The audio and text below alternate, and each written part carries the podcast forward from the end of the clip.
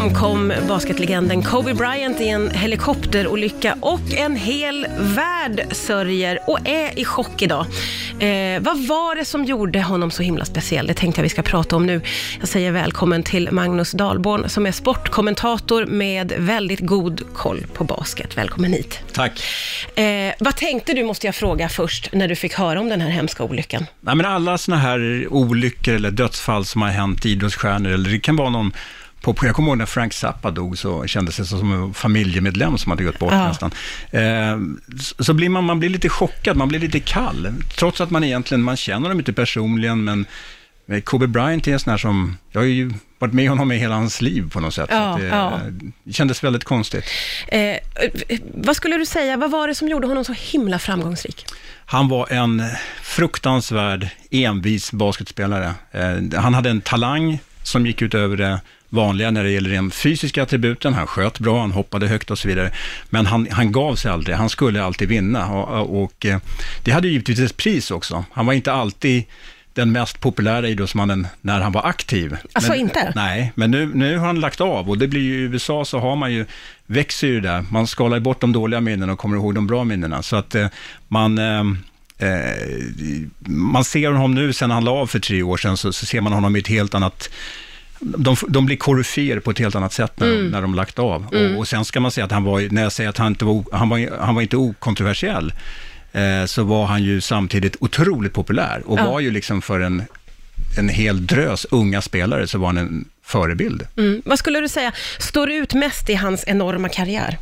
Det är ju de fem eh, NBA-titlarna han har vunnit eh, med Los Angeles Lakers och att han representerade just Los Angeles Lakers under alla sina 20 säsonger han spelade. Det är ju väldigt unikt. De flesta byter, byter lag och går för en högre lön och såna Ja. saker. Han var lojal mot de här Lakers i, i alla år. Och, och har det liksom bidragit till hans särskilda ställning, skulle du säga? Absolut, det har det gjort. Ja. Och sen så var ju han, det kan man inte bli längre, men han tillhör en, en generation basketspelare där man kunde gå direkt från high school in i NBA. Det kan man inte göra längre, för de har satt en åldersribba där. Så han kom ju, han var ju bara 17-18 år när han kom in i NBA. Eh, och hade ju då bott i Italien under stora delar av sin uppväxt. Hans pappa var ju också basketspelare.